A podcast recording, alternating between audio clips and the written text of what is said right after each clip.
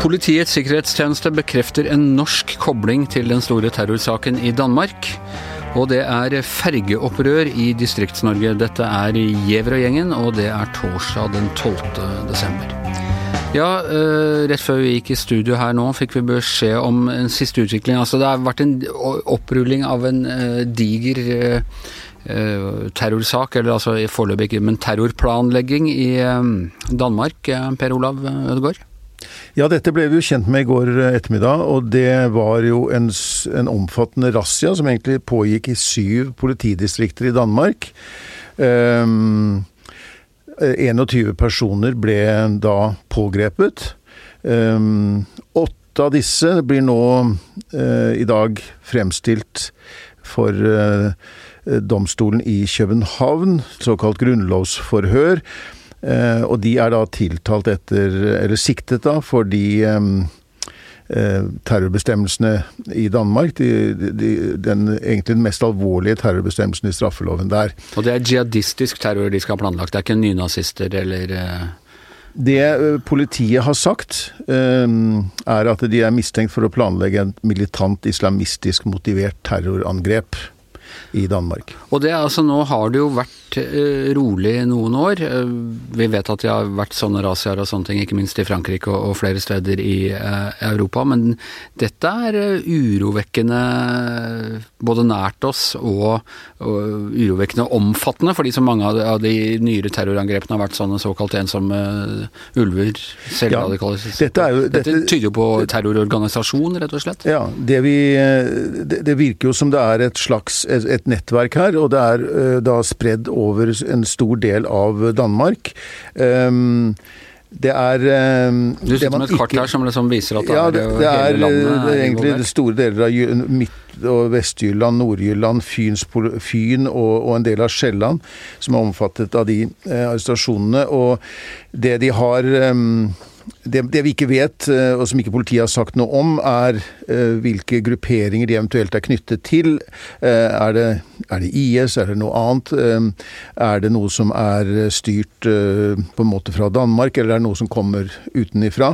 og hvordan kommandostruktur og sånn er, det vet vi ingenting om. Det Men at det er såpass mange mennesker, da, er, da, snakker vi terrornettverk, rett og slett? Dette tyder på nettverk, og vi, vi kjenner jo til fra både aksjoner som er blitt begått i Europa, eh, og også eh, nettverk som er blitt avslørt. Og heldigvis så blir det jo avslørt langt flere planer og den type nettverk enn de som faktisk da eh, ut, kommer i en situasjon hvor de kan utføre disse angrepene.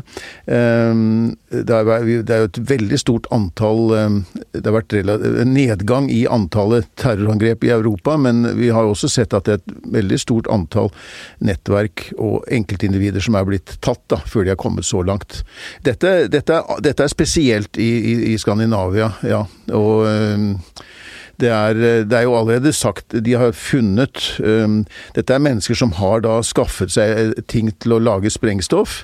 Um, de har ikke sagt eksakt hva de har skaffet seg, bare remedier til å lage sprengstoff, som de kaller det, og de skal ha forsøkt å anskaffe seg skytevåpen.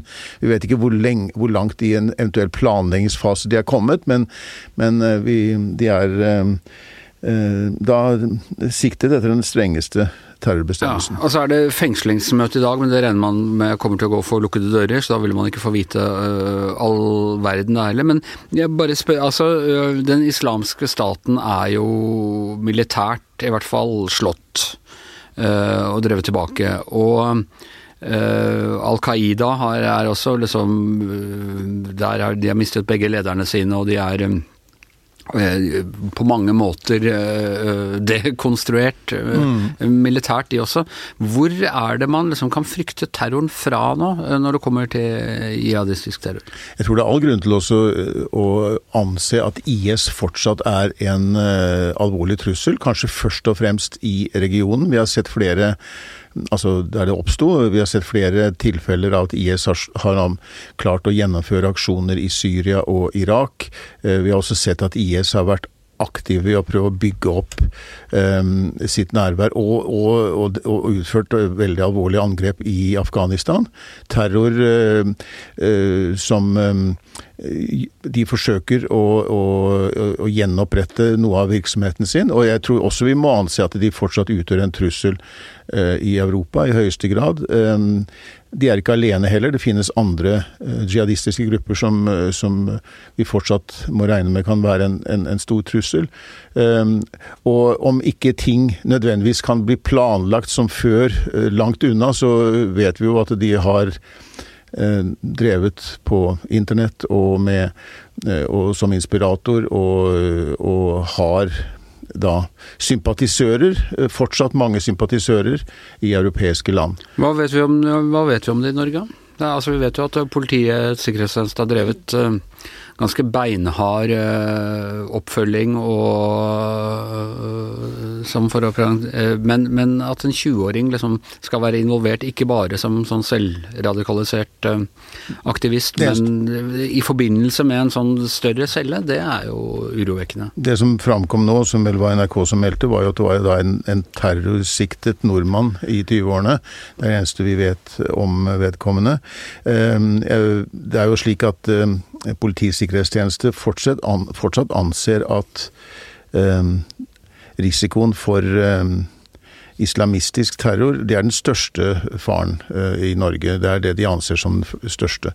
Så, også, så er de også veldig oppmerksom på høyreradikal Ehm, eh, terror, faren for det. Men eh, ved den siste, når de skulle oppsummere dette her tidligere i år, så ble dette med islamistisk terror ansett som den største Men det var riktignok før da Manshaus, som de da Nettopp. på en måte har beklaget at de ikke For der hadde de fått et tips og sånn, og, ja. At de egentlig justerte opp eh, terrornivåfaren uten, uten å gjøre det kjent.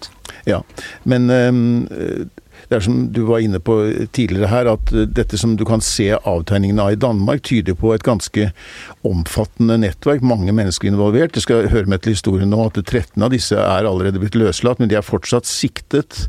Um, blant de uh, åtte som uh, nei, ja, blant de åtte som er som nå blitt stilt for retten, så er det seks menn og to kvinner. Det er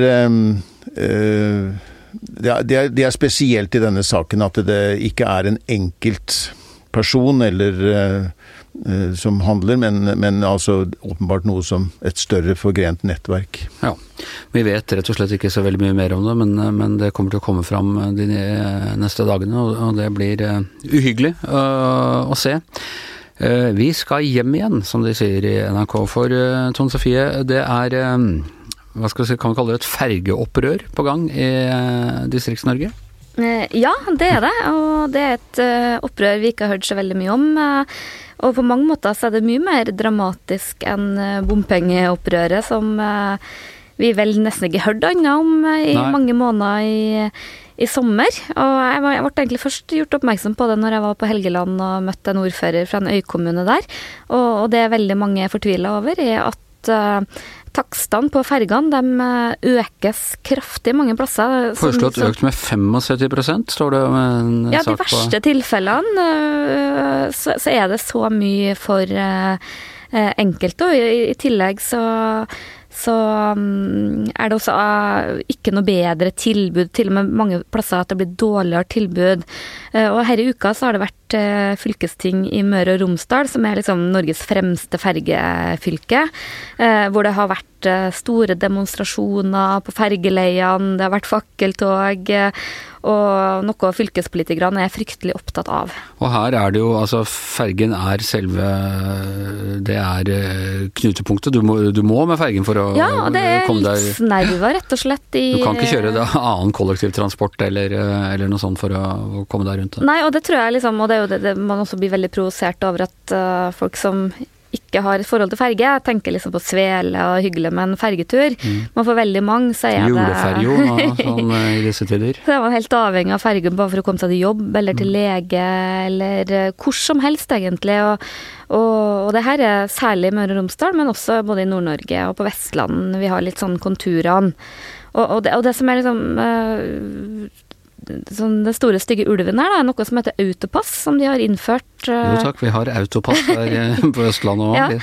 og, og med en sånn innføring så så, så er det sånn at for biler så blir det veldig mye dyrere, mens for eh, passasjerer så blir det gratis. Mm. Hva tenker dere om det, når dere hører liksom at det blir gratis for passasjerer? Uh, nei, altså det er jo greit for folk som bor på Nesodden og, og sånn, men, men steder hvor det er bilferje, hvor du er avhengig av bil for å uh, komme videre, også etter at du er ferdig med fergen, så stiller jo den saken seg helt annerledes. Du har skjønt det, Anders. Jeg har tenkt nemlig jeg skulle prøve å sette deg fast her, med at du skulle si at det er jo kjempebra, for da kan jo alle heller bare uh, gå istedenfor å ta bilen. Men problemet med er Fulle fordommer. Jeg, er ikke fullstendig idiot heller. Jeg er uh, klar over at noen, Det lå en har- at noen har lengre vei til jobben enn det jeg har. For Nei, for det som er utfordringa med veldig mange ferger, da, er at uh, de ligger, de ligger eh, rett og slett ute i ødemarka. Er Liksom, ferga går fra det ene øde stedet til det neste. Så det, veldig mange av de som reiser, er helt avhengig av bil for å komme seg både til fergeleiet og så videre. Så det er ikke så fryktelig mange som har glede av det. Um, nei, og bare å kjøre gratis passasjer, som passasjer, liksom. nei, nei, for det er de aller fleste. Så det har vært mange plasser man har liksom prøvd å ha én bil på hver side. og litt Nei da, sånn. jeg har kjørt ferje på både Vestlandet og i Nord-Norge, og ikke kjøre på ferja før jeg har sagt 'kjør på ferja' og det, og det hele tatt. Jeg, men eh, men hva, øh, hva øh, kommer det av at dette har gått såpass under radaren, nettopp som du snakket om når bompengene omtrent holdt på å sette landet på hodet under valgkampen? Nei, jeg tror nok eh, eh, sånn kystbefolkninga generelt er vel ikke de som har fått mest oppmerksomhet. En ganske sånn uh, litt sånn hardfør folkerase som er vant til å klare seg sjøl og ikke klage. Nå er jeg fra øy sjøl, så jeg har jo all egeninteresse i å, å, å si det. Så tror jeg liksom det med ferge, det er sånn uh, En bilist, det å kjøre bil, det kan vi liksom alle sette oss inn i, men det å kjøre ferge, det er nå tross alt eh, et begrensa antall eh, mennesker som er helt avhengig av det, og så er det ganske nytt. Og så er det en annen ting som har forsterka veldig det problemet, og det er den her elektrifiseringa av fergene. For veldig mange ferger blir nå bytta ut med nye, flotte elferger som er kjempebra sånn klimamessig og sånn, men det har gitt veldig mye større utgifter både for fylkeskommunene med at de må legge til rette for fergeleier med eltilførsel og sånn, men også nye, kostbare ferger. Jeg bare tenkte Dette er jo vel også noe som er et, et, en utfordring for næringslivet i eh, disse, distrikt, i disse områdene vi snakker om. Her er det jo mye som skal med øh, vogntog ut av området. Og, Og inn, andre- altså og inn. varer og- Altså det, ja. det, det må jo være en ganske stor regning for mange av de som Og dette er jo den delen av landet hvor verdiene skapes, som vi ofte sier. ja. Det står i Sunnmørsposten også. øh, Vil man avfolke utkantene der verdiene blir skapt? Det er jo den tradisjonelle liksom, argumentet her. Er det det man da gjør? Ja, ja, for enkeltpersoner så er den her kostnaden sånn 15 000-20 000 i året i tillegg til det man har fra før. Så veldig mange koster har jo veldig bil også. Ja, ja, men det, jeg tror liksom det å Hvis du er avhengig av ferge i jobb, så er det en veldig stor utgift i tillegg til alt mulig annet. Men det er helt åpenbart at det her eh, har en sterk kostnad for næringslivet. Og når vi ofte snakker om ferjefri E39 som litt sånn tullete prosjekt som er unødvendig, så er jo det en ganske sånn nyansert bilde, for du har helt sikkert strekninger der som, eh, som ikke vil være lønnsom, men det handler veldig lite om sånn uh, meg og deg skal liksom komme oss uh, tørrskodd over. Det handler veldig mye om næringsliv, mye laksetransport, veldig mye sånt som, som har en helt annen krav til sømløshet, da. Men øh, ja, for det vil jo altså Alle broprosjektene de er jo ikke gratis de heller. De skal jo betales for de også. Ja, ja, absolutt. Og, men da er Når man er, mange plasser er opptatt av eh, fergefri, så handler jo ikke det om kostnaden. Man betaler veldig gjerne, men det handler rett og slett om å kunne reise døgnet rundt og slippe alle venting og sånn. Særlig med sånn varetransport og sånn, så er det jo et eh, logistikk-puslespill. Men, eh, men det er i hvert fall enorm engasjement rundt det her rundt omkring langs kysten, og det, jeg syns jo det er litt sånn ja, eh, at ikke det liksom er plukka opp mer av eh, riksmedia, men, Men det- heldigvis kommer vi her, da. Ja, vi plukker opp nå. Mm. men hva med rikspolitikerne? Hvor er, er Vedum på ballen? Hvordan kommer dette til å spille inn rikspolitisk? Pussig nok har jeg ikke hørt Vedum snakke om Vedum, det her. hvor er du når vi trenger deg? Og, og det som liksom blir sagt da fra fylkene, er jo på en måte at det her fergereformer og med elektrifisering og sånn er underfinansiert, og det har jeg sett at uh, samferdselsminister Jon Georg Dale som er fra Møre og Romsdal, sikkert får mye uh, henvendelser om det her, uh, benekter at det ikke er det. Så det er jo selvfølgelig sammensatt. Men, men en stor kostnadsøkning for enkeltpersoner. Den grønne omstillingen koster jo, og det er jo veldig flott at man får ferger på el. Um, men vi har jo Norge subsidierer jo veldig innføring av elbiler. Vi, gir jo store fradrag på det. Og da kunne man jo tenke seg at noe av den kostnaden med å omlegge også fergetrafikken til el, uh, burde vært ikke bare overført til eh, de som bruker, tjen, bruker båtene, eller fergene.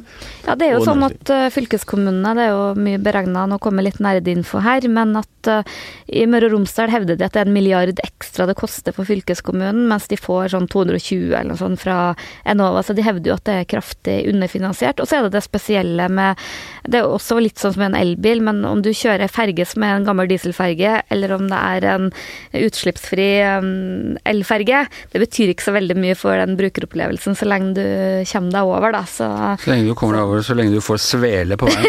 uh, vi uh, Jeg har en følelse at dette kan bli en ganske brennbar politisk sak fremover. Du, du har lese, teft du, Anders. Ja, jeg har veldig god teft. Når du sier at du er i gang med en sånn sak, så skjønner jeg at det er noe på gang. Uh, så man kan lese mer om det i VG i morgen, for da skriver du om saken på kommentarplass. Det gjør jeg. Med, og inntil da så får dere bare smøre dere med tålmodighet, for uh, Giæver og gjengen er over for i dag. I uh, studio Per Olav Ødegaard, Tone Sofie Aglen, Anders Giæver og vår kaptein på broen, Magne Antonsen.